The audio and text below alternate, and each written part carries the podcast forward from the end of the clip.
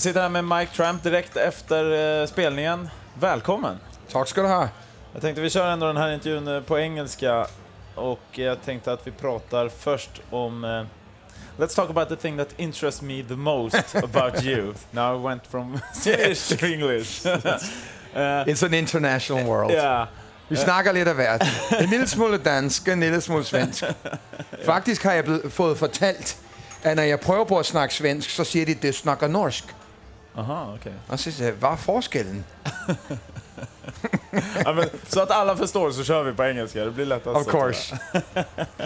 Uh, yeah, last year you released the solo album Nomad, Yes. and if I got it correctly, you traveled all along the American kind of all by yourself Well, I mean, basically, guitar. the, sto- the story goes like this. Um, about four years ago, you know, when you get, you know, I got a 40th anniversary in one week. Yeah. For, then I've been in, in, in the music business, in, in sort of rock and roll for 40 years. Yeah. And I know that when you look at me right now, you're surprised. And it's okay. but it is true. I can prove it. Yeah, so, so several times in, in my career, I've come to the crossroads, you know, uh, not necessarily known if you're going right, left, or forward. And uh, for the first time in my life, I went in there and just sat down with an acoustic guitar and recorded the songs the way I've, I've always written all the songs, even in the days of White Lion, even in the days of Freak of Nature. All the songs come from the acoustic guitar. Yeah. But then they would end up in the studio being the full band version. But for the first time, I said, you know what? Now I want to hear how the songs sound when they just are recorded the way they were written. yeah. So I recorded the album and sat back and said, wow, it feels so natural because it is natural. And then I said, what would happen if I now went out on the road with just a guitar? Just myself, nobody else. And here we are five years later. Yeah.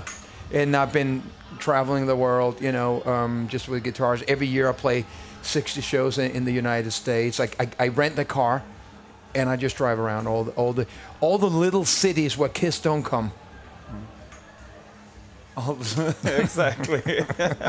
but but I mean, doesn't it get lonely if you're all by yourself? Loneliness is not a part of Mike Tramp's uh, life. All right. I've been lonely all my life. All right. I, ha- I have to get used to it. This is what I chose when I was 15 and a half years old.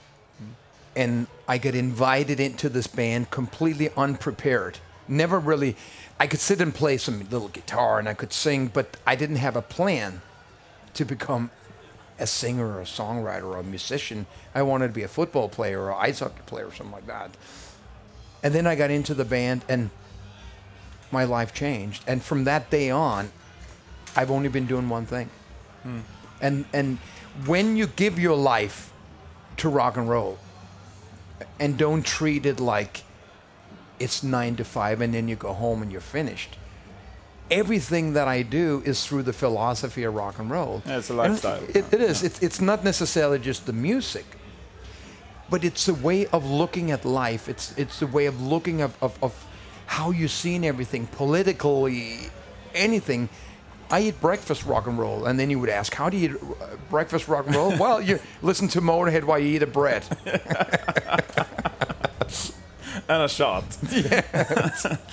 uh, but but I'm thinking you must have experienced so much uh, during your travels. Yes. a Yeah, journey you can Yeah, call it almost. sure, sure. Like if you look back at back at it, what's if you take out one thing that you remember that was good and one bad thing, what would that be? Well, you also got to realize that a lot of people see things today because they, they watch all these reality shows that when the reality show is finished, they come home and now they go back to their regular days.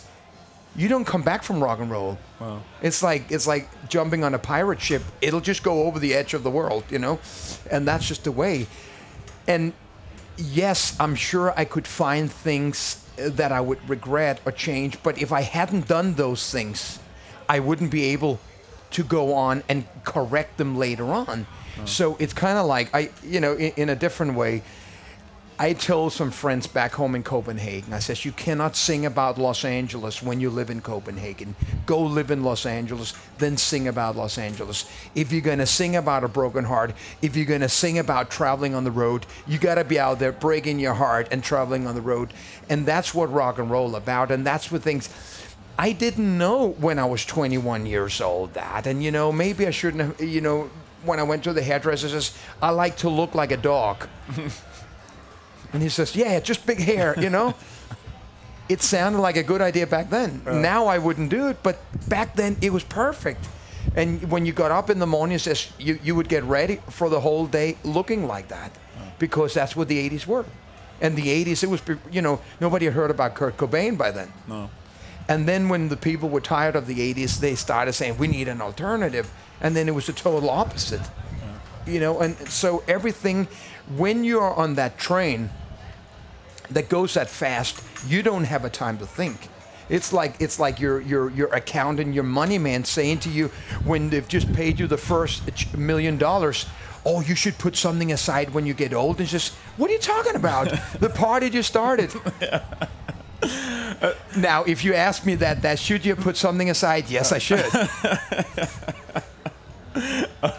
But but as you said, 40 years now. That's a long time for an, uh, your successful career. When you look back at it, back at it, what do you see? Kind of all those 40 years when you like try to look back.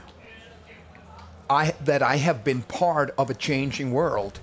It's not just that I was in a rock and roll band in the 70s, in the 80s, in the 90s, and then in 2000 and, and on and on. I was also part of a world where, like I said on stage, you could you could bring a big uh, bottle of, of hairspray on the airplane if you wanted to, Yeah. or you could, or nail clipper or, or, or something else. And you know, we, we we just did things. You could park outside the airport and go in and wait for your friend, and somebody's ah, you know. Now it's like it's. We were part of a changing world. So when I look back, it's just when you look at the television shows today, like in lack of better words, and it's not like I'm watching it, but I've been told. X Factor, American Idol, Swedish Idol, whatever. The young people today, when they walk in on stage, they've already gotten the whole education from the internet. Yeah. When I walked on stage, some of the first times, I walked on stage the first times and I didn't know anything else because there were nothing that there was no information. I had to fall on my ass to learn to put rubber soles under my shoes these days today, when you're 14 years old, you already know how to play Eruption from Van Halen or something like that. But it, to me, it's almost like you go to the supermarket and then there's like tw- 20 people in a row, you know, waiting to pay and, and stuff like that. But you jumped in the front of the row, and it's no, no, no, you can't. This in rock and roll, you gotta earn your right to get to there, Yeah. and that's the learning. That's the most important part. All right.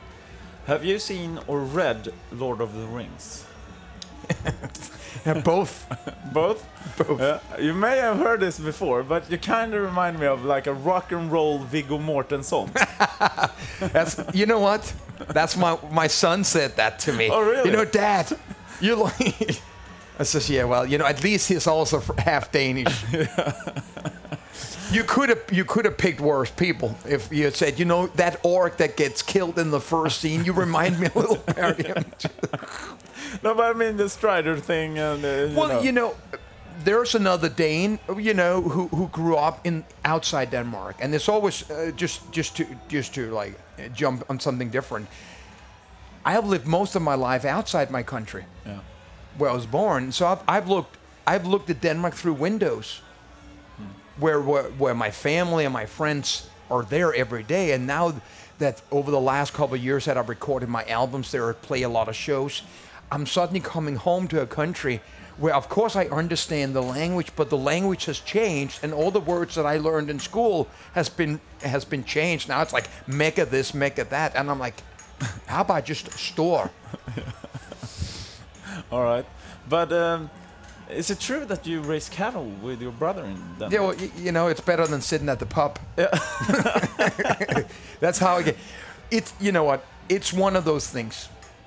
When you look at you know the reality show with Gene Simmons, when you look at at Steven Tyler, when you look at all these rock stars that simply don't know how to butter toast, Oh. you're not looking at Mike Tramp. I just ended up being, you know, up there on stage. Hey, I know I wrote some big songs, mm-hmm. and I'm proud of my songs. When I got up, up on stage, that was David Bowie, that was Freddie Mercury, that was David Lee Roth, that was my teachers. Okay, a lot of the stuff, in many cases, were not really the natural me, but I thought that's what I wanted to do. And then mm-hmm. with, with, with years and years and years, so as I returned back home to Denmark and stuff like that, you suddenly just realize where it is you come from. And I was sort of, even though I'm born in Copenhagen, I was raised on the country, and I just I just love that these days. I'm so secure in my songwriting and playing my music that it's not something that I have to get inspired by or anything. I just have to think about how bad I feel in my life and then I write the song, you know? So maybe I spent the first four or five hours of the day taking care of the animals. Hmm. And it, it, it, it, it, to me, it keeps me focused and sane because today I represent real stuff. My songs are about real life. You know, I might have come from the 80s where a lot of stuff were not real, but bit by bit, bit by bit, I started finding my way back to where I'm comfortable. So, so when you sit down and I talk to you, uh, when go and say it's, I want to people to understand that he's just like that. When in a couple hours he gets in the car and he drives back to Copenhagen. Uh, you talked to. I've always thought about that.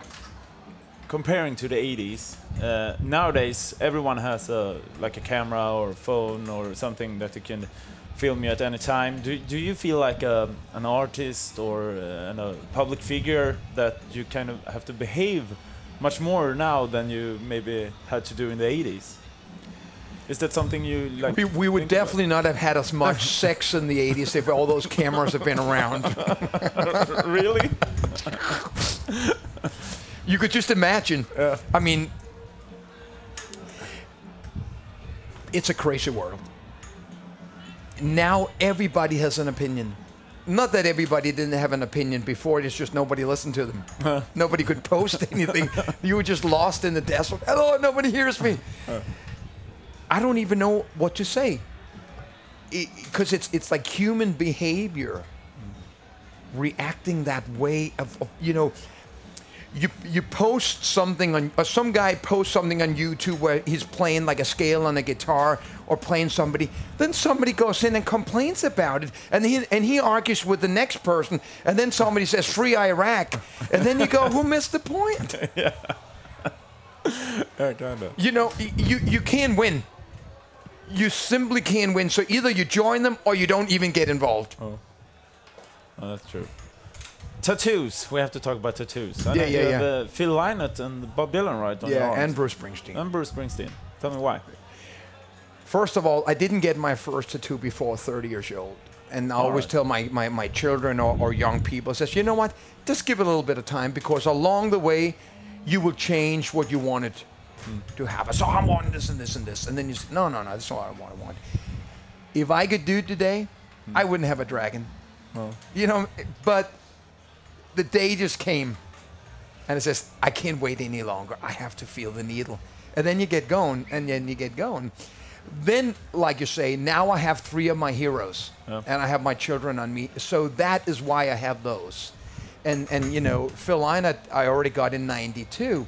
And he had just been such a big, not just inspiration, but just somebody that just spoke to me through the songs, even though I liked a lot of rock and roll. I grew up with Sweet and Slade and Queen, and, and my brother listened to Deep Purple and, and, and that Zeppelin and Black Sabbath.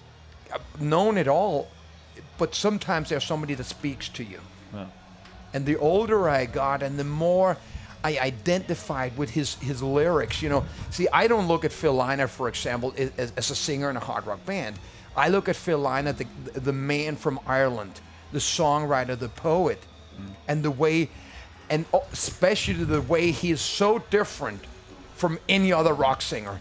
He never screams, and that lower voice spoke to me And then through that, you start going back and you basically see the connection between Dylan, Springsteen, and, and, and, and, and Phil Lynott. It's just that Phil Lynott was up there in leather pants and, you know, and, and doing their wild rock and roll show. But his songs come from that same foundation. And that's a foundation that I grew up with. I grew up with a guy in Denmark called Kim Larsen. Hmm? Okay, and he he he came from that same era, and you know he's the biggest person in Denmark, the greatest songwriter but it was that way of if you could sit down in a couch with an acoustic guitar and play the song there and, and, and have people listen that's where the song is. And that is like i told you 10 minutes ago that's the foundation of Mike Tramp. Yeah. regardless of the long hair the tattoos whatever all my songs come from the acoustic guitar and sitting in uh, you know in a couch or a chair or somewhere Yeah, I heard on, in an interview you said uh, friendship is the most important thing to you. What what does friendship mean to you? Well, uh, one of the things that does not exist in this business is really friendship. I know a million people in, in, in, in, in my 22 years living in America, but they're not my friends. My friends are the ones I grew up with. When you return back home and you walk down the street of your neighborhood and you haven't been for a long time, and then you suddenly see somebody standing on the corner and you go, hey man, what's up? And then you realize, man, he's a part of me. This is the streets that I grew up on and things like that. And I just feel like that when you have a friend, and I'm the kind of friend that when you, it's almost like you have have to audition to be my friend, because I'm willing to give everything I have, not my money, but everything else, to my friends in the way that I can't be half a friend. Oh. I demand a lot of friendship. I think that friendship, when you have friends, they're for life, and and and it's somebody you always trust. It's somebody that that uh, you can you can count on. It's somebody you can ask. It's somebody you can cry on. It's something like that. It's very very hard to have friends in the band, Yeah, which I've always found it fascinating that when a band breaks up, it is as bad as a marriage. And and and I always thought to myself, why is it that two people who played music and wrote songs to each other basically get ready to kill each other just from playing music? Because it gets so deep. Once you start when you start writing songs and you get into it, it's your heart. Your heart is involved. It's not your fingers. It's not. It's not. Ah, you know. So, not for me, man. It's your soul you leave in those songs. yeah. So what's next for Mike Tramp? From here? Yeah, I'm probably gonna get up in the morning and raise cat. Well,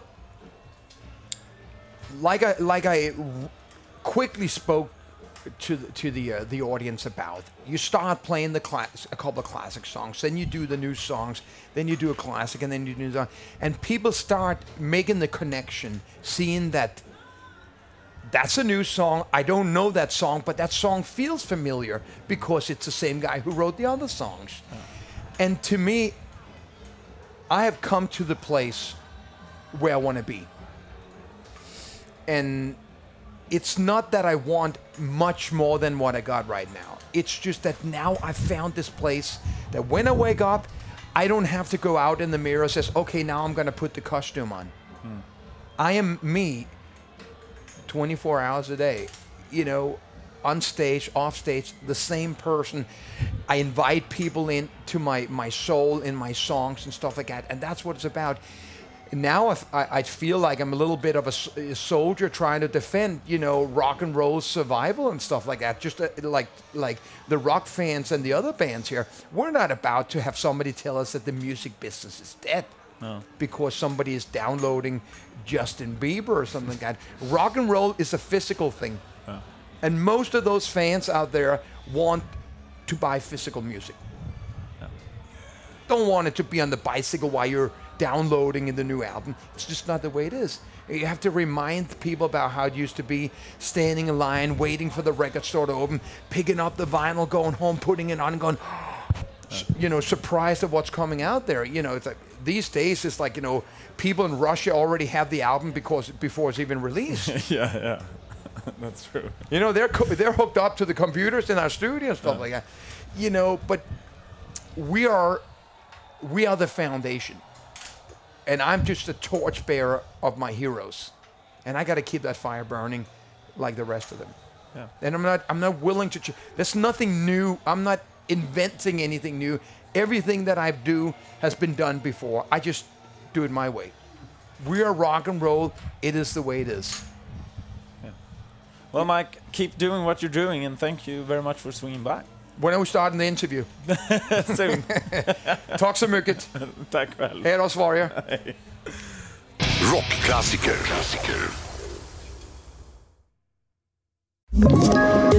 Ett poddtips från Podplay. I fallen jag aldrig glömmer djupdyker Hasse Aro i arbetet bakom några av Sveriges mest uppseendeväckande brottsutredningar. Går vi in med hemlig telefonavlyssning och, och då upplever vi att vi får en total förändring av hans beteende. Vad är det som händer nu? Vem är det som läcker? Och så säger han att jag är kriminell, jag har varit kriminell i hela mitt liv men att mörda ett barn, där går min gräns. Nya säsongen av Fallen jag aldrig glömmer på Podplay.